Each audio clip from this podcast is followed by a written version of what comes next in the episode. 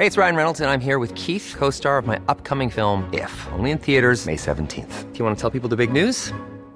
All right, I'll do it. Sign up now and you'll get unlimited for $15 a month in six months of Paramount Plus Essential Plan on us. Mintmobile.com slash switch. Upfront payment of $45 equivalent to $15 per month. Unlimited over 40 gigabytes per month. Face lower speeds. Videos at 480p. Active Mint customers by 531.24 get six months of Paramount Plus Essential Plan. Auto renews after six months. Offer ends May 31st, 2024. Separate Paramount Plus registration required. Terms and conditions apply if rated PG. Den där... Den här bruden som du håller på med, eller ni ska Prata inte för mycket nu. Det här är en podd. Mm. Ja. Kan vi klippa tillbaka? Ja, vi får klippa i början. Nöden har ingen lag. Hej! Stötta gärna oss på Swish. Nummer 123 535 4857. Ni kan också följa oss på Instagram och Facebook under Cyril och Stig. Välkomna till ett nytt avsnitt av Cyril och Stig i otakt med samtiden. Podcasten produceras av Storyhood. Dagens gäst är journalisten, debattören och författaren Erik Hurstadius. Erik debuterade 1995 med boken Hjärtats djur. Året efter släppte han en politisk inlaga, Vi i vänstern typ, om vänsterns kris på 90-talet. Nu är han på, för första gången på över 20 år aktuell med boken Vårt nya land som är en reportagebok om Sverige efter flyktingkrisen. Välkommen säger till Erik Hurstadius som jag sitter hemma hos mig här med Stig på Kungstunneln. Eh, Du är aktuell med boken Vårt nya land Sverige efter flyktingkrisen. En roadtrip. Ja, en väldigt bra bok och jag tycker att den påminner i omslaget och lite stilen 50-tal, gamla tiders reportage. Adam Nykander gjorde ett på, för Expressen. Ja, Svante. Vad hette Svante Nycander? Hette han. Det var från Östeuropa vet jag. Och jag tänker också på Hunter Thompson och, och Gonzo av flera olika anledningar. Dels det här att du väver in dig själv i storyn. Men sen också, också något som Hunter sa i sin Hells Angels. Att han förutspådde att det skulle komma på 80-talet men det har gått, gått nu. Att Hells Angels bildades utav Korea och andra världskrigsveteraner som kände sig svikna och övergivna av samhället. Och Hunter skrev där att på, eh, i framtiden kommer alla vara som Hells Angels. Och det kom väl nu kanske med Trump och i Sverige med SD. Ja, Erik här då. Eh, Det, var en, det var en omfångsrik essä du skrev här som introduktion. Jag tror att några referenser kan vi skita i. Men när du säger eh, Gonzo och Hunter. Thompson kanske jag ska säga någonting om det. Um, Göteborgs-Postens recension av min, min bok så dök ju ordet Gonzo journalistik. Ja. Och, och, och det står ju för att man involverar sig själv som person. Man är ingen Mm. objektiv, neutral, ansikts och röstlös reporter. Man slänger sig själv in i berättelsen. Eh, och min bok då, Vårt nya land, Sverige efter flyktingkrisen, den är ju mycket personlig eller privat. Eller jag har nästan aldrig fattat skillnaden på privat och personlig. Men, men, men ehm, jag har varit inne i frågorna om Sverige som invandringsland, Sverige som integrationsland och den svenska debatten och diskussionen om invandring och integration- väldigt länge. Alltså som nyfiken medborgare har skrivit om det i Affärsvärlden. Min bok är ju en reportagebok där jag åker runt i fan hela Sverige. Från Kiruna till Sjöbo. För att prata med människor i invandrings och integrationslandet Sverige om deras verklighetsbilder, eh, deras eh, liksom, syn på hur, var vi är och vart vi är på väg. Och normalt är jag en åsiktsjournalist och lutar mig framåt och säger vad jag tycker. Den här gången lutar jag mig tillbaka. Och för att lyssna på vad de tycker. De får prata till punkt. Från eh, djup höger, Sjöbo och Sverigedemokrater till, till liksom välmenande eh, integrationssamordnande människor. Och, sådär. va. Och Gonzo-dimensionen är att jag reagerar med mitt temperament på, alltså läsarna av boken ser hur jag reagerar på de här mötena. Jag predikar inte för människorna, men jag reagerar och efter ett möte så är jag ju nästan optimistisk när jag träffar Lars Stjernkvist, kommunalrådet i Norrköping, socialdemokrat. Efter mötet med honom är vi nästan, vi grejar det här. Mm. Vi schaffen das som vi ska prata om det Angela Merkel. Och i sista kapitlet träffar jag ICA-handlaren Daniel Öser i södra Vallby som är Mm. en förort, problemförort från Västerås. Där han som ekonomisk entreprenör som ICA-handlare men också som social entreprenör utifrån han anställt problemkids. Han har samarbetat med fritidsgårdar och bostadsbolag och, och så vidare för att Alltså, vad kan jag göra som ICA-handlare och vad kan mina nätverk göra för att skapa framtidstro i Vallby? Så att sista kapitlet är hoppfullt utifrån att det finns så mycket kraft i Sverige för att fixa det här. Men det här, nu har jag skrivit en essä Cyril också. Ja. Du började med en kort Ja. essä. Här, så är det så att jag har skrivit boken ganska mycket som självterapi. Jag vill spränga mig ut i min egen bubbla av åsikter och, och eh, erfarenhet för att möta så många perspektiv som möjligt. För att lägga en mer nyansrik bild av pusslet Sverige. Alltså, Det- det, det- det, jag undrar om det är hur har boken blivit bemött? Eh, jag har ju eh, fått konkret fråga ska få ett konkret svar. Eh, så har, eh, mediamässigt, det har varit mycket stök kring valet. Det kom ut bara en vecka före valet. Ja, idag är det alltså fredag. Det var bara Idag är det, vecka precis, idag är det fem dagar efter valet. Sverige, då, Ja. Demokraterna fick, vad fick de? 17 procent? 17,5 ja. jag, jag hade själv trott att de skulle få 22 faktiskt. Jag Ja. Eh, och eh, jag var ju medveten om när, att boken skulle komma ut kort före valet att alltså, de som skriver om politik kommer ha en del annat att skriva om. Det är att tänka på. Men boken har blivit bemött på det sättet att de som har plockat upp den, i jag menar, Svenska Dagbladet har plockat upp den och eh, sociala medier, och tjosan, och läsare. Det, nu, jag, jag ska bara, bara berätta en härlighet helt enkelt. Folk läser in en sån f- öppen, fräsch, respektfull ton. Alla får prata till punkt. Och man misstänkliggörs inte. Det här säger du för att du egentligen tycker illa om invandrare. Eh, Så, så här säger för att, för att du egentligen är en äcklig PK-människa. va? Den svenska debatten eh, om invandring och integration, som jag uppfattar har varit väldigt präglad av avsiktliga missförstånd och också omedvetna missförstånd. Fiendebilder och polarisering. När i själva verket så vill vi, vi som bor i Sverige, gamla nya svenskar, alltså invandrare, svenskar som har varit liksom, vars förfäder bott i Sverige i 500 år och så vidare. I grunden så vill vi hitta en balans mellan Sverige som ett invandringspositivt land. Det går inte att förneka att invandring har gett Sverige en massa coola impulser. Dessutom ekonomisk växtkraft på 60, 50, 60, 70-talet. Eh, balansera det med idén om att vi också inte kan förändra samhället för jävla snabbt. Inte minst från en välfärdsstat. Välfärdsstaten bygger på nationen, eh, staten och en relation mellan medborgaren som betalar skatt. Och, och det där gick lite överstyr ett tag. Liksom. Eh, så att vi, vi, det vi det vi jobbar, alltså det vi vill som tycker åt mitt håll är väl att prata om det här lugnt och fint utan fiendebilder och att återföra oss till någon slags realism. Du, du gör ju, samtidigt gör du ju urvalet också på de du intervjuar. Men, men- och det jag tycker är övergripande i boken, men också, det gör också positivt. Det övergripande är att alla ser nästan problem. Eh, Men, men jag tycker också samtidigt att ingen är rasistisk heller. Och, så, Nej, men så, och, det, och det visar också de här höga, vänta, vänta. Det, det visar också de här höga siffrorna som Sverigedemokraterna fick. Att jag, även om de har, alltså grundarna och de hade ett nazistiskt förflutet så tror jag inte att de, alla de här människorna som röstade på dem eh, Nej, det helt orimligt. är rasister. Skulle kunna tänka sig att de vore nazister, alltså en femtedel av Sveriges befolkning. Det är ju helt bisarrt. Nej, inte nazister, rasister. Nej, ja, men alltså, jag tror att, att rasism eh, har i och för sig ökat mer på grund av de problem som har uppstått de senaste kanske fem, sex, sju åren. Ja, fast samtidigt Mattias Karlssons det här blogginlägget på Facebook som, som diskuteras nu när vi sitter här de här dagarna.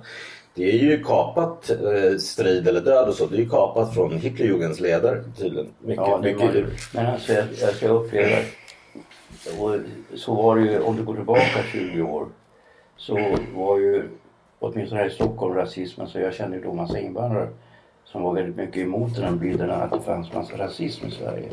Och som inte ville, det var ju då det projektet som jag höll på med, på Dramaten som havererade. Som inte alls ville hålla på med antirasism och så för de sa att det, det var en massa människor som gör karriär på att de är invandrare som snackar om antirasism. De har, det är klart det finns skinheads men de är en minoritet i Stockholm. Och, och här, här, till skillnad från i Skåne, så har det inte varit, de upplevde inte att det hade varit problem. Däremot så tror jag i dagens läge, för jag frågade då för fem, fyra, fem år sedan, nej tre år sedan, eh, massa, ungefär 30 stycken från icke-europeisk härkomst. Eh, och det var en kille från Nigeria, han sa Oh no, no, no, nothing. Yes, perhaps. I have a friend from, also from Nigeria, he was in Malmö. Uh, perhaps some racism in Malmö. Eh, men de bara skrattade och sa nej, det har aldrig hänt mig. Alltså, och när man då bygger upp en bild att Sverige skulle vara väldigt rasistiskt när det kanske i själva verket är så att Sverige är det minst rasistiska landet i, i världen. Det är ju liksom, det går ju att jämföra då med det här med metoo att Sverige skulle vara det mest, det, det land där det är mest eh, övergrepp mot kvinnor. Men förmodligen är det land med minst övergrepp mot kvinnor.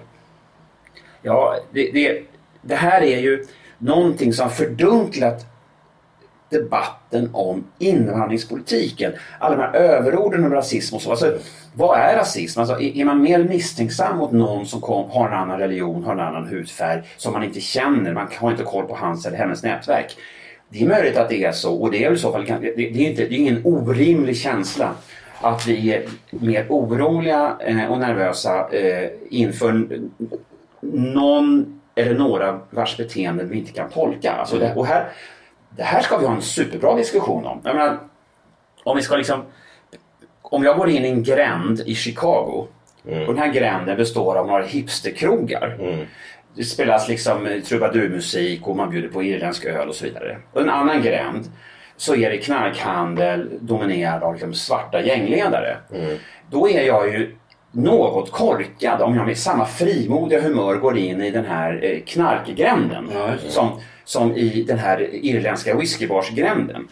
Och om någon då riktigt korkad, politiskt korrekt, eh, liksom feminist, radikal, tjosan hejsan person säger Du är rasist! Erik! Då, då, då, då måste ju den personen lämna debattarenan, eller hur? Ja. Men jag måste Eh, eftersom, eftersom vi människor eh, vi, vi agerar ju ändå på liksom, eh, erfarenheter och riskbedömningar som ibland är fel, ibland är rätt. Men vi... vi ja, för- Alltså, nej, jag, it jag har varit med om att gå in i Harlem med så pass mycket pengar. Jag hade nästan 15 000 cash på mig 1982. Min kompis bodde vid Columbia University. Och så tänkte jag, han var inte hemma. Ja, det är jag- bara gatan ner där. Ja, så det Jag var var där gatan ner. Så jag gick in i, och då var ju Harlem farligt va.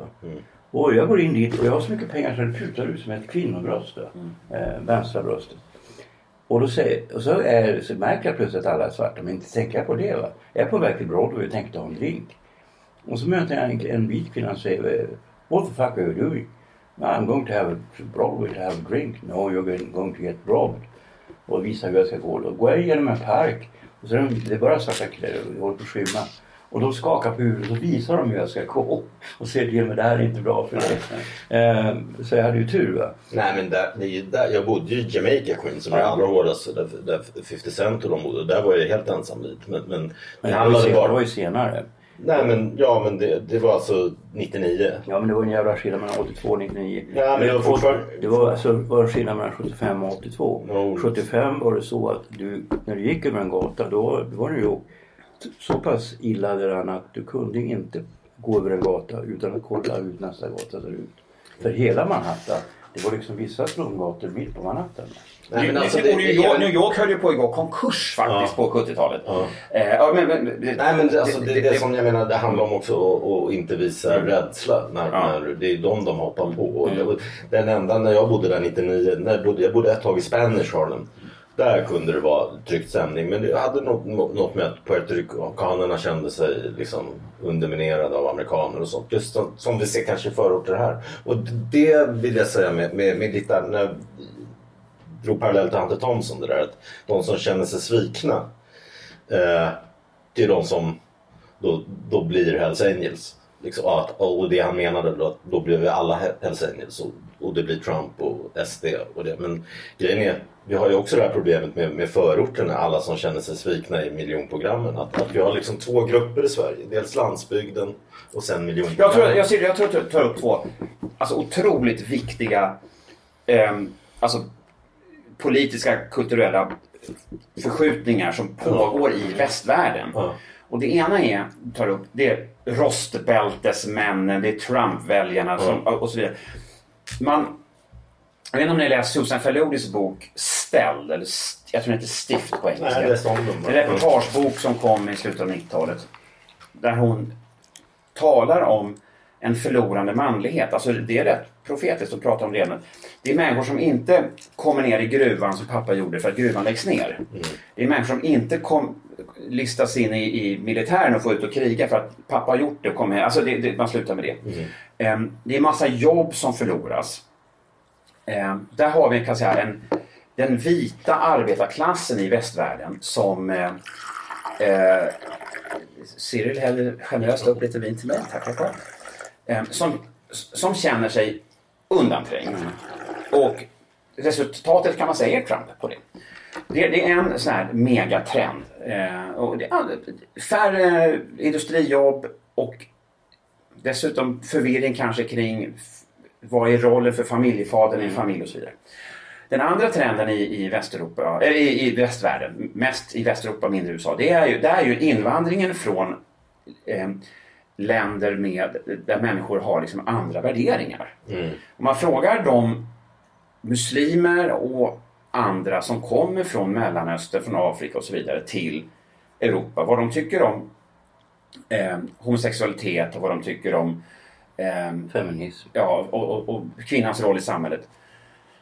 Så kommer de inte tycka som vi gör på liksom våra genuskorrekta seminarier och så vidare. Nej, jag läste idag faktiskt i GP, en ledare från Mm. någon egyptisk, jag tror det var en egyptisk man, eh, som sa är Egypten är ett av de länder som toppar i, i våldtäkter. Mm. Eh, Att eh, just samhällen med Mm. där den patriarkala strukturen är så dominer- stark att den nästan blir auktoritär. Där, har- där har den högre våldtäktsstatistik. Och det gäller inte bara muslimska utan Indien har ju, som jag, Indien som jag har varit mycket och rest i, där har ju framförallt bland de kastlösa och så mycket. Och i den här, alltså nu har vi liksom två med, dels en migration från människor, äh, människor som av otroligt legitima skäl vill skapa ett bättre liv. De lever i samhällen, om det då är i Somalia eller i Syrien eller Irak och så vidare, som inte ger dem chansen att leva, eller Afghanistan, bra liv.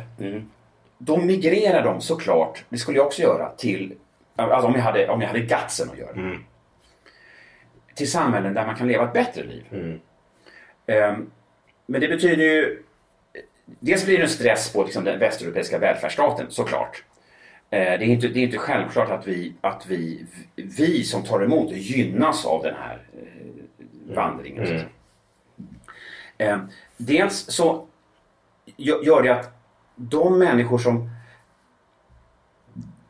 vi skapar i vårt samhälle en konflikt kring vad vi ska göra med de här människorna som är lite i onödan eftersom man kan ju absolut hjälpa människor på, på ett hjälpa människor plats i ett sverigedemokratiskt uttryck och så vidare. Men jag, det kan inte vara så att så fort människor är missnöjda med sina levnadsförhållanden i de länder de lever ska de ha en biljett in hit. Alltså är det de afghanerna och jag har ju pratat med många av de här af- afghanistanska. Jag har haft med dem att göra på olika sätt och, och jag märker ju att det handlar om, dels kommer de från ganska rika förhållanden för de, det kostar typ du säger betydligt lägre summa här i boken men när, jag, när de har berättat för mig så kostar det runt en 300 000 att ta sig till, mellan 150 och 300 000 att ta sig till Sverige för att du betalar per gränsstation 500 euro per, per så att de kommer från ganska rika familjer i Iran.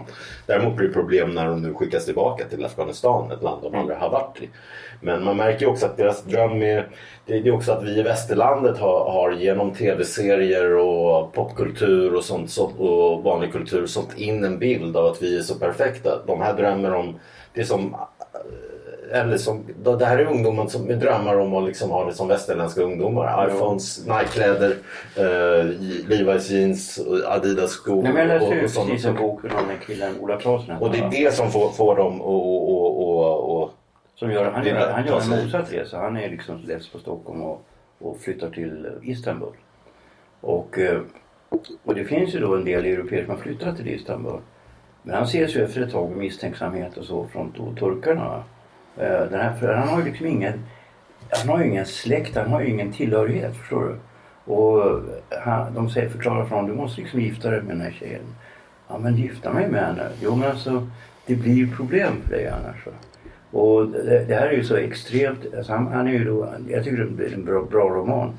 Den heter eh, Istanbul Tutti Frutti.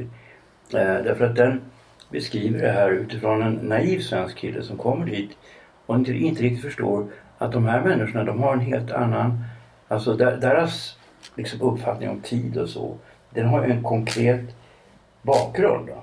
Alltså det har ju då att göra med att trafiken ser helt annorlunda ut och så vidare. Va? Du kan inte planera på samma sätt som du gör i Stockholm. Eh, det har att göra med att, eh, det med att du måste ha en viss säkerhet för dig själv. Där är ju din släkt, det är ju din säkerhet. Va? Och när det gäller sådana saker som alltså korruption och så. Men det är, inte så, det är inte så jävla konstigt att de här länderna är som de är. Och de vill ju ofta därifrån. Eh, alltså de som är unga, de, de som är ungefär som, som vi är. Va? Jag kan ju verkligen känna sympati för dem. Men å andra sidan så är det ju, alltså det, är- det är knepigt eh, när man ställer krav på oss som gör att vi inte, att vi måste liksom montera ned eh, det vi kan kalla för ett, ett, eh, ett samhälle där man ska ta hand om sjuka och gamla och så. För det är det som kommer att bli resultatet. Nej, samtidigt som, du, som det som du skriver i boken också. Det är, någon, det är inte bara du skriver om Sverige men, men det har ju också med USA i hela västvärlden. Att, att vi har ju också något kolonialtänkande att vi, vi faktiskt använder de här grupperna i sjukvård och serviceyrken. Jo, alltså det, är, ju- det är ju så att utan, utan de som invandrare, jag har ju själv legat på sjukhus mycket så jag vet ju det. Där var ju, alltså Överhärten var ju invandrare, framförallt tjejer de, som jobbade på sjukhus när jag hade mina hjärtinfarkter och så. Och min, gjorde min hjärtoperation. va. Men, och de var ju, jag var ju väldigt tacksam för att de fanns. Jag. Ja, det är klart att du var tacksam för att den fanns. Men om det är så att vi av någon anledning skulle ha för lite arbetskraft in i vården så hade vi kunnat ha en riktad arbetskraftsinvandring till baltiska länder eller något sånt där. Då skulle vi naturligtvis ha lätt att få in sjuksyrror och undersköterskor och så vidare. Eh, samtidigt som jag kan tycka, precis som Cyril sa, att det är, det är en kolonialistisk idé. Vi ska, vi ska ta det göttigaste från... Tidigare så, så, så åkte vi till Afrika för att plocka diamanter och guld. Nu ska vi liksom plocka arbetskraft. Men nu ska liksom tillbaka till grund, grundkonflikten i det svenska samhället som jag uppfattar den. Det är ju om vi nu ska ha en välfärdsstat så kan vi inte samtidigt vara eh, den här eh, platsen dit alla migranter från fattiga länder kan komma. Du får nästan välja.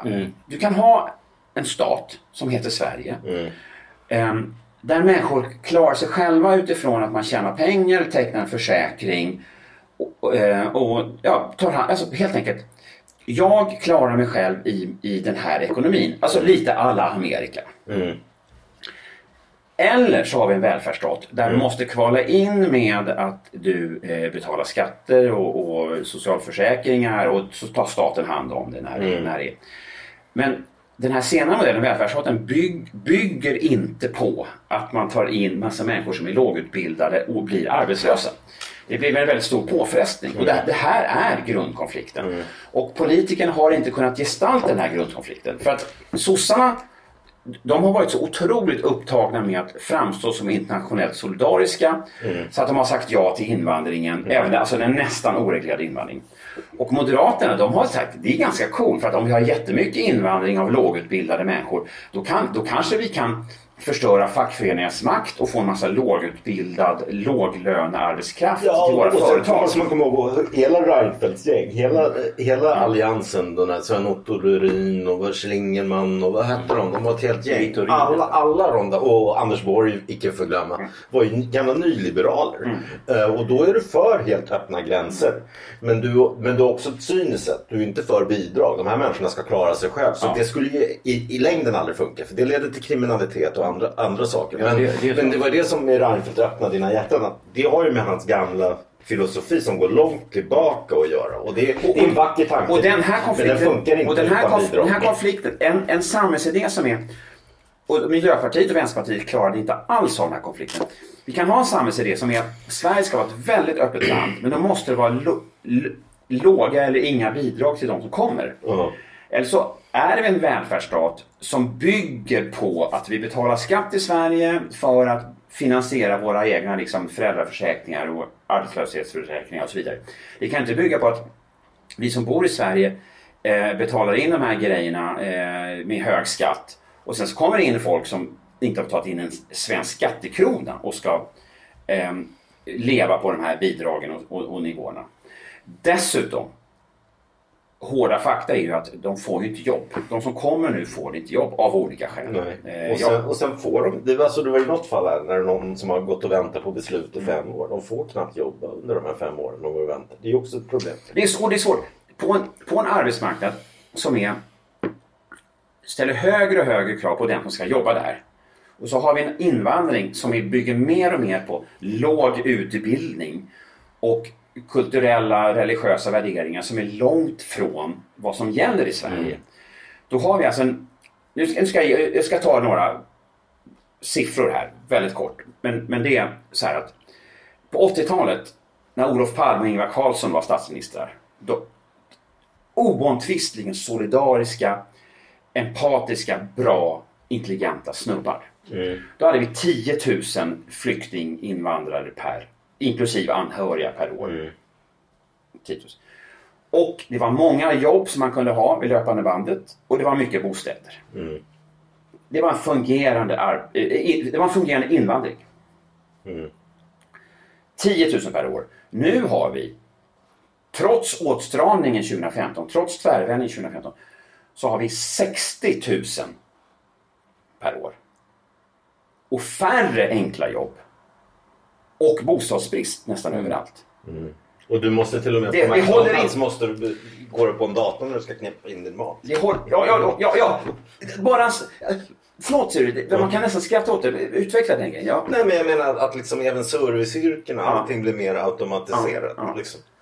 Och, och, och, att till och med på McDonalds så, så står du och knappar in och på, när du går på Konsum så de tar svinnet att jag kanske skriver att jag skriver kanske rotselleri på Mm. cashewnötter. Liksom. Men det, det är de beredda att göra liksom, när, när du plockar att du, istället för att ha kassapersonal. Liksom. I'm Sandra, and I'm just the professional your small business was looking for. But you didn't hire me because you didn't use LinkedIn jobs. LinkedIn has professionals you can't find anywhere else, including those who aren't actively looking for a new job but might be open to the perfect role, like me. In a given month, over 70% of LinkedIn users don't visit other leading job sites. So if you're not looking on LinkedIn, you'll miss out on great candidates like Sandra. Start hiring professionals like a professional. Post your free job on linkedin.com/people today. Hey, it's Ryan Reynolds, and I'm here with Keith, co star of my upcoming film, If, only in theaters, May 17th. Do you want to tell people the big news?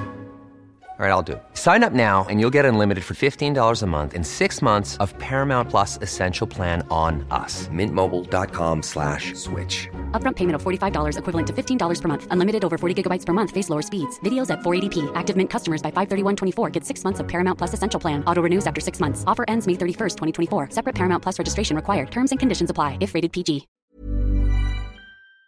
Så, att, så att en politik som är så här, ganska stram, 70-tal, 80-tal, 90-tal och sen så växer... Ja, vi hade ju några år med Balkankrigen så var vi, då hade vi som en, en hög, två år var det många, men, men, men inte jättemånga, 60 000 där. 50. Men nu är det jättemånga hela tiden trots åtstramningen med människor som kommer att ha svårt att komma in på, på arbetsmarknaden. Och, och när jag var i de här utanförskapsområdena på min reportageresa så Alltså, folk sa ju att det har blivit mycket sämre de senaste åren. För det blir en o... Tidigare visste man det här är bus, bus, busiga gänget. Vi har koll på dem. Nu är det helt nya människor som har runnit in oreglerat och reglerat i olika lägenheter och hit och dit och, och gör, gör området liksom osäkert. Grundgrejen här, vi har tappat kontrollen. Ja, vi har en skola där du inte har ens lärare som Ja. kan prata ren svenska. Liksom. Eh, eh, Så, så, så det är ju det är ett problem. Men hur ska man då se på det här med Sverigedemokraterna? Är det inte bra att de har fått mer röster då? Att de, för att om, om inte de Sverigedemokraterna överhuvudtaget hade funnits, om inte de hade kommit in i riksdagen, så skulle den här decemberöverenskommelsen liksom fortsätta. Och man skulle ta in, ungefär som eh, hon tänker sig, Annie Lööf, 30 miljoner människor till Sverige. Alltså jag uppfattar ju då att hela den här nyliberala politiken där vi har fått en väldigt stor övre medelklass som har jobb som är mycket tveksamma. Vad fan är det de gör egentligen? Och där pengar kommer till människor som är bra på att hantera det här med pengar. Va? Och du får extremt stora klassklyftor. Eh, den, den, det, det leder fram till ett samhälle med stora klassklyftor och som naturligtvis leder fram till konflikter och disharmoni. Va? Och det där är något som, då krävs det, alltså då är det legitimt med ett parti som säger nej men vi gillar inte det här, vi vill inte ha det så här, vi vill strama åt det här. Eh, vad är det då för fel? Varför är alla så upprörda över Sverigedemokrater? Jag fattar inte. Det, ja. Nej, jag, jag, ser du jag tittar på Du borde, ju- du borde ju svara på Nej, men, det. Eftersom du har tänkt att flytta och så. Nej, men jag, Ja, men okej, vi börjar nej, jag tycker, där, där tycker jag som läget ser ut nu. Alltså, vi, vi, alltså det kan ju ta lång tid innan det blir regeringsbildning. I Tyskland tog det fyra månader. Som att liknande system som Sverige. I Belgien tog det ett och ett halvt år. Så vi vet ju inte hur länge det är. Men det som folk pratar om, som det, det blir mycket troligt. För den här moderat Kristersson verkar ha lite så här Napoleonkomplex. Att han vill bli ledare. Så det ser ut som att det blir Moderaterna och KD. Och då förlita sig på SD. Och då har vi liksom en Alltså, så en, det här har vi inte haft. För det första har vi inte haft den här situationen. Vi, vi är nästan exakt hundra år jag tycker inte att du svarar på ett Nej, nej, men det, nej, men det, jag men, nej, men det jag ja. menar att det, att det blir väldigt... eh, Att, att det, här är inte, det här är inte det Sverige jag har växt upp i och, och så. Att, att du ska ha det här... Nu pratar jag inte om invandring. Men, men till exempel att inskränkt aborträtt eller vad det är SD vill göra. Att, skärpa abortregler och sånt.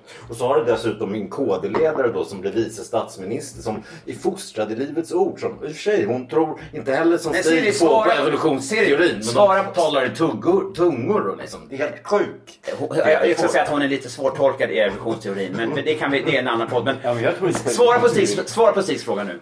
Hur ska vi se på att SD har tagit en stor plats i väljarkåren? Vad tycker du om det Cyril? Nej, men det är det, det som du berättar i din bok att folk ser det som ett problem och det är ett problem. Det, det, det ser vi ju med eh, att det inte finns jobb eller skola eller bostäder och allt möjligt. Eh, men det har ju fått faktiskt, alltså Socialdemokraternas eh, invandringspolitik i det här valet var ju ganska lik SDs i förra. Så det har ändrats. De, de, de, det positiva då, om man ska se det på det sättet, att det här var en fråga du inte kunde debattera. Men okej, då- det, då- det, det, det, det har, har, Nu ska jag svara, har nu ska- nu ska jag svara, Men det är också som din förläggare sa och som du själv, någon säger i boken också, att nu har det blivit tvärtom, att du inte får säga något positivt knappt med invandring. Och då får man säga, du, din egen fru har japanskt blod. Alltså de enda tjejer jag har träffat eh, under 2000-talet. Då har två varit danskar, två latinamerikanskor och, och en syrian. De enda tjejer som har betytt något för mig. Och en från Syrien. Så att liksom, vi, vi är ju alla på något sätt. Ska, ska vi göra, ser du inte hur personer, ska vi, ser, eh, Stig, ska vi sätta, öka trycket på Cyril här? och säga så här, alltså, om det nu är så att Sverige har haft för hög flykting och flyktingliknande invandring under lång tid. Så att våra system när det gäller skola och, och inte minst i förorter bo- bostads... Alltså, det bara pressas och brottslighet. Om det nu är så. Eh, det tycker till och med sossarna och moderaterna. Och om man inte kunde rösta på något annat parti än SD för att formulera den kritiken som väljare. För det gick ju inte att rösta på det och det partiet tidigare för att alla var för det. här. Nej, I årets val hade de Det var det som var så konstigt. I årets val, eh, För att alla hade, körde ju nu den här utom Vänsterpartiet. Och då kunde ju faktiskt folk, men då gick folk ändå röstade på SD för att de var de ursprungliga Ja, antagligen med att, kritik. därför att de uppfattar att de andra är hycklare. För de uppfattar att utan SD så hade de fortsatt med sin politik. Därför att de möter aldrig de problem som de här människorna som röstar på SD, som ju även är invandrare. Jag känner ju flera på Lilla Essingen som är invandrare som röstar på SD. Eh, och, Jo, 7 procent tror jag. ja, och det, det handlar ju om människor som inte... Förlåt, jag måste faktakorrigera Cyril här. Eh, V- Valu nu, alltså det, det, det, vi är i och för sig dåliga på, vilket, vilket är ganska bra, vi är inte så bra på att mäta liksom, etnisk tillhörighet i Sverige, rent statistiskt och så. Det kanske är bra. Men det är inte så att av de här, alltså det är inte så att SD hade 7% bland invandrarna i Sverige, de hade mycket mer. Ja, precis. Det var just Rinkeby jag tänkte på. Ja, okej, okej. sorry. Det var, men det var jag som uttryckte ja. mig fel. Men, men, men, mer. Ja. take it stick. Jo, men alltså, och när du tittar då på de här valsiffrorna från just Rinkeby och så. Jag läste i Dagens Svenska någon, någon som skrev om det här. Alltså det problematiska i att väldigt många av de rösterna kommer inte från enstaka personer. Det kommer från hela familjer, från klaner. Alltså, och även de, de här klanerna försöker också påverka politiker lokalt. Då. Att om du liksom genomför de här grejerna, då får du liksom du vet, 800 röster. Jo, men det vet De- jag. Det har ju Moderaterna de- hade ju massor med somalier i Haninge. Ja, alltså, de, de, alltså, för de tänker på ett annat sätt. Alltså, jag anklagar naturligtvis inte invandrarna för, för det sätt som de tänker på. Det de, de kommer från en kultur där det här med klan är en fungerande faktor. Som, alltså utan klanen så skulle Afrika, alltså det är det som klansystemet gör att Afrika funkar. För att om du inte sköter dig och är med i en klan utan du beter dig illa. Du blir till exempel gangster eller prostituerad. Då utesluts du ur planen. Och då är ditt trygghetssystem är liksom nada. Så det här innebär ju då ett, ett slags socialt kitt. Då. Men sen när du för till Sverige så blir det ju lite problematiskt när du har då partier som utlovar då till exempel olika bidrag till de som bor där. Och jag säger inte att de inte skulle ta emot bidrag. Herregud, jag tar emot bidrag själv. Eh, eh, men däremot så är det problematiskt ur en demokratisk synvinkel. När det gäller klaner, jag vill slå ett slag för en författare och samhällsdebattör som heter Per Brinkemo. Ja, han är väldigt bra. Som har skrivit eh, ja, böcker om, om klaner och sådär. Och jobbat mycket med somalier i Sverige och så. Men, men det han så, alltså, berättar då i de här böckerna och så. Det är ju att om man kommer då från ett klansamhälle, till exempel Somalia.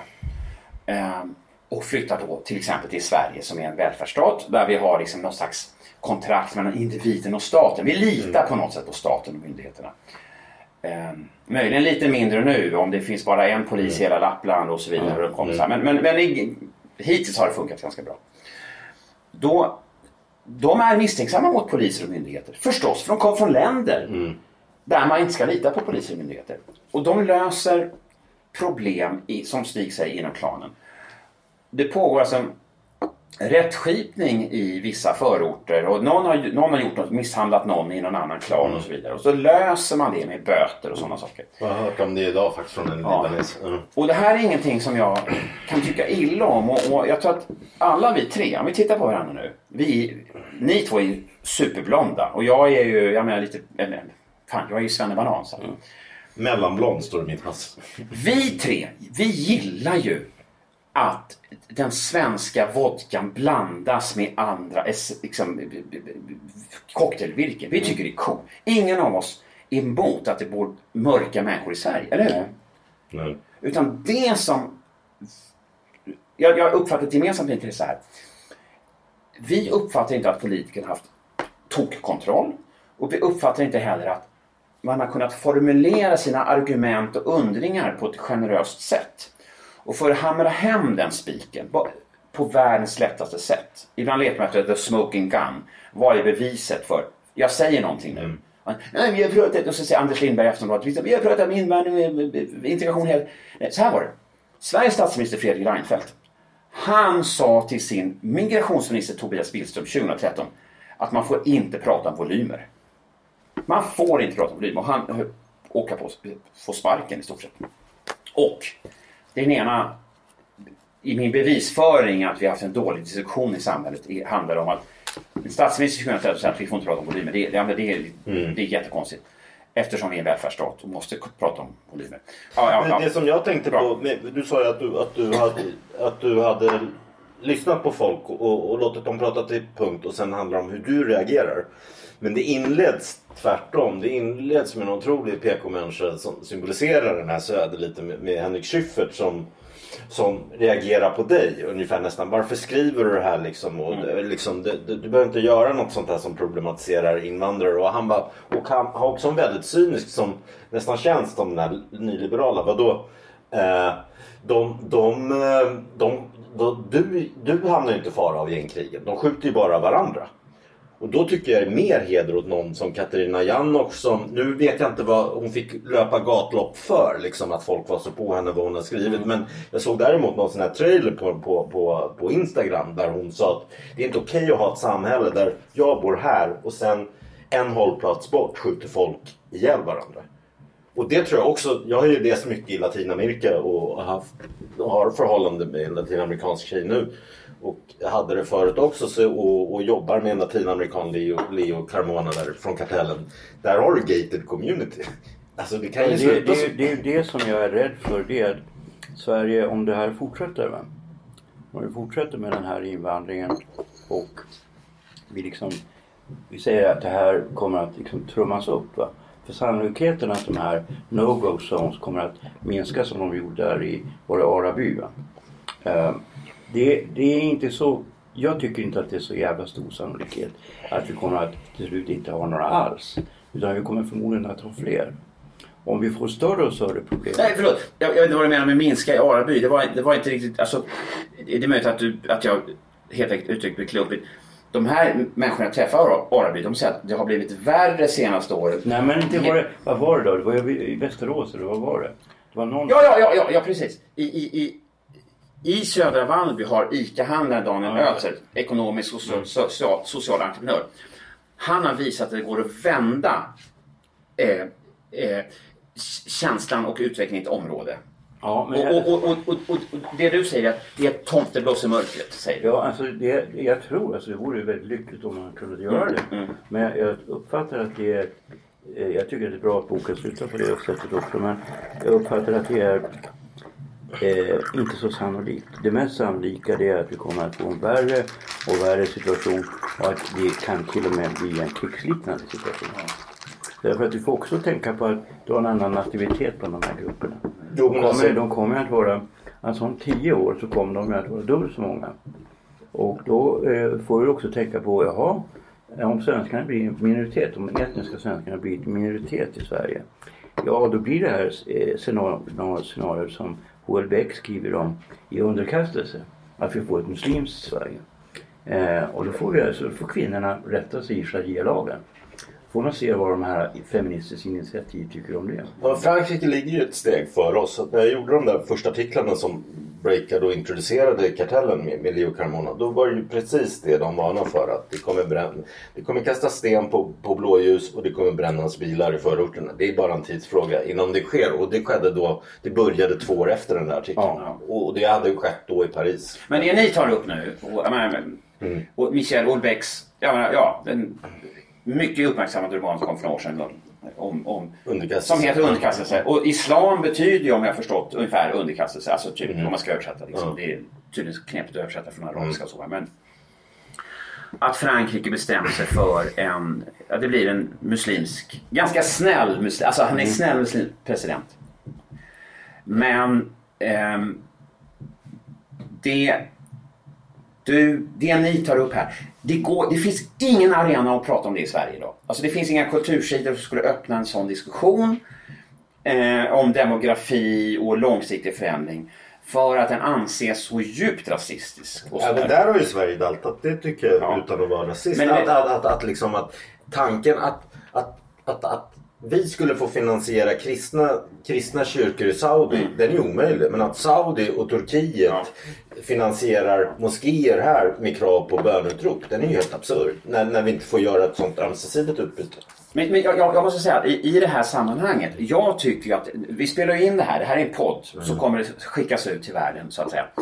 Det är otroligt obehagligt att prata om de här grejerna när, när det spelas in. Ja. Stig, du är ju modig nu och en arg blatte tar upp i ett, av mina kapitel i en arg blatte som är en jätte, Angry Foreigner, en arg blatte. En youtuber då som, som väldigt kunskapsbaserat tar upp problem med invandring. Han är själv bosnier. Um, men det demografiska problemet eh, som skulle kunna vara ungefär så här att människor som kommer från kulturer som, som har en sämre idé om demokrati och jämställdhet, de förökar sig mer och kommer till slut ta över och så. Va? Den grejen, om jag skulle prata om det offentligt, vilket jag typ gör nu i och för sig, för att jag är dum i huvudet. Men den, går- den går inte att föra i Sverige. Ja, det, det beror ju på att jag uppfattar att Sverige inte riktigt är en demokrati. Alltså i och med, i och med det här med metoo så då gick jag över gränsen. Jag har precis läst uh, Leif GW Perssons bok eh, Professor Wille Wingmutter, Mästerdetektiv som är väldigt bra. Eh, och han, han tar ju upp där de här eh, grejerna mot de här läkarna. Va? Alltså den här Katina Costa-domen. Och när Hanna Olssons bok och de här övergreppen som skedde då mot dem. Han, han tycker att det är den största rättsskandalen. Men frågan är om inte det här med metoo är en ännu större rättsskandal för det drabbar så väldigt många människor. Va? Och det vi, har, det vi har hamnat i dagens Sverige på grund, på grund av det med, de media vi har. Va? Alltså jag tänker framförallt då på den koncern jag själv arbetar inom, Bonnier-koncernen, men även Schibsted-koncernen. Alltså de lägger locket på, de förhindrar debatt. det- ja, men det de, men det- de, är ju, de är ju helt enkelt, alltså det, det jag uppfattade i dagens läge, jag skrev då artiklar, det var därför jag skulle skriva då den här boken. Jag hade stora problem också att skriva boken, få den utgiven. Va? Eller få utgivet alltihop jag skrev. Va? Eh, och jag blev ju refuserad då av Expressen, Dagens Nyheter och Aftonbladet. Och det handlade då om att jag upplevde då att eh, eh, Kemiri eh, ljög när han då sa att han, att han var, eh, kände sig eh, rädd när han åkte tunnelbana för att han skulle bli tagen som invandrare. va. Sa- sammanhang Ja, det var ju väldigt uppenbart. Men han är väldigt, en, en väldigt utstuderad Jag bara sammanhang Ja, men alltså då blir jag, då jag blir refuserad alltså, i. Jag vill bara, sammanhang för lyssnarna då. Eh, Jonas Hassan Kami- Kemiri, extremt hyllad författare då. Eh, halvarab eh, i, i sitt... I, alltså, Han bytte till vi tillägga tre månader innan, innan han debuterade. Han heter egentligen Jonas. Och Kemir är inte arabiskt och, och fantastisk. Ja, men han skriver ju fruktansvärt bra. Men han talar om REVA-projektet bland annat. Som var då när man 2013 tror jag, 2012, 2013 så hade polisen ett ett arbete för att i, i princip kolla, är du här i Sverige av rätta skäl eller är du här illegalt? Och det är någonting som är rimligt att en stat håller på med. Vi måste ju kasta ut folk som, som inte har rätt att vara här. Alltså det, det är ganska rimligt. Men Jonas Hassan Karimi genom, Karimi genom sitt otroligt uppmärksammade och välformulerade öppna brev till dåvarande justitieministern, om jag minns rätt, Beatrice Ask, sa vill du kasta ut mig ungefär? Eh, Och han beskrev hur han blev trakasserad. Så att det här är sammanhanget här. Att, Men Stig har ju rätt. Det är klart att polisen trakasserar någon Nej, i alltså, anormal det en kostym. ren och skär blålögn. Va? Och alltså, när, när då tidningarna vägrar mig att trycka det jag skriver. Va? Då kan jag inte säga att jag lever. Jag är ändå en av de mest liksom, tunga kulturnamnen i detta jävla land. Va? Och jag får inte publicera mig. Alltså ska man inte jämföra det med Östtyskland? Jo men det här, det här är ju, jag pratade om the smoking gun tidigare, att Fredrik Reinfeldt sa till sin egen migrationsminister, du får inte prata volymer. Och det är det en migrationsminister ska göra. Och sen glömde jag bort en annan grej, jag, ska, jag har faktiskt kommit på den också. När Stig Larsson, som är som typ, alltså Sveriges bästa skribent helt enkelt, så här, ja, och, och, och författare och så här, inte får uttrycka en mening som, som avviker från någon slags tok antirasistisk eh, konsensus. Det är bevis, det, det är också smoking gun. Det finns, vi kan kalla det diktatur eller vad som helst, men det, det finns ingen nyfikenhet hos de stora redaktionerna och mainstream-medier på partierna. Ta reda på alltså, andra perspektiv. Hur ska vi tolka verkligheten? För- Och det här, jag, jag känner inte till det. Jag jag blir, alltså, jag, jag blir så här genuint jävla upprörd. Ja, men- Ja, men jag kan ju Ja, då, men- jag kan ju då vänta, berätta. vänta, vänta, vänta. Eftersom alla är nyfikna nu. Den andra, den andra smoking gun jag, gun jag hade, det var när Stefan Löfven sa, och inte bara han, vi tjänar på invandringen. Och nu vill jag att ni som lyssnar, lyssnar extra noga. Regeringens egen utredare, expert på eh, invandringsekonomi, Jan Ekberg, plus en miljard andra ekonomer. Han, sa att, han har sagt att ungefär 1980 så började det gå minus. För vi hade arbetskraftsinvandring, då gick vi plus. Från 80 gick vi över till flyktinginvandring och har gått minus. Så Stefan Löfven har sagt då, vi tjänar på invandringen. Det, han, det sa han fram till 2015-2016 ungefär. Då ljög han. Fredrik Reinfeldt sa samma sak. Han ljög. Ja. Men säg vänta, vänta, jag får bara så här, så återkoppla till det Stig som är medier. Jag pratade idag med två narkomaner på, på tunnelbanan. Och det, där är jag lite intressant, jag tycker jag, jag läsekrets liksom för att det fotbollshuliganer, narkomaner, gangstrar kommer fram ibland och att, de- att de har läst hans böcker och de hade läst Mitt mörka hjärta och Leos. Och, och då började de fråga om liksom, eh, hur, hur jag blev journalist och såna här grejer. Om jag hade pluggat det och, och så här. Och då sa jag, att jag är statsvetare och så. Då ville de börja prata politik. Och då, och då sa de det att så jag är intresserad av att höra båda åsikter på, på, på ett tv-program. De, nu är ju Robert Aschberg vän till både mig och Stig och kanske dig också. Men de menade att felet är Robbans när han gick in och avbröt folk. Och, och, och man hör hur de här programledarna, man hör vad de har för politiska åsikter. Och jag är intresserad av att höra båda sidor. Och det är ju det som inte folk har gjort. Och det har i sin tur skapat de här i mitt tycke horribla eh, liksom avpixlat och alla de där som, som kör mycket. De har ju ljugit om mig till exempel. Så jag vet ju att de ljuger om mycket. När de stora partierna och de stora medierna, när de stora partierna och stora medierna antingen ljuger eller väljer bort perspektiv Väljer och verklighetsbilder. de har. Då, klart att, då, drar man, då dras man till Sverigedemokraterna eller AFS eller och man dras som läsare till Avpixlat eller det heter nu Samhällsnytt och så vidare. Stig, jag vet att du alltså, grejen vi- avbröt det som fan här. För att, det, det- Jo men alltså det, det det lustiga var att när jag då diskuterade det här, en väldigt våldsam diskussion uppe på, på Sveavägen 56. på Bonnier med min förläggare Daniel Sandström. Eh, alltså vi skriker åt varandra så här va och jag går ifrån. Så kommer jag ut och då hamnar jag precis i just det du beskriver. För då var det precis Alltså jag, jag kommer ut och jag tänker då gå ner till och ta ettans buss va, vid Hötorget. Då hade jag varit precis i, vid den här platsen som du var då. Alltså eh, där den här snubben hade kört och dödat då en massa svenskar. Och han hade ju då, man kan ju säga så här att indirekt så finns det en viss skuld hos Kemiri för det här dådet. För att han hade ju kunnat bli tagen av en sån REVA-kontroll. Och jag undrar om han känner någon skuld när han ser den här lilla tjejen som blåser såpbubblor. Ska vi avsluta där eller? Ja, det gör. Har du något slutord du till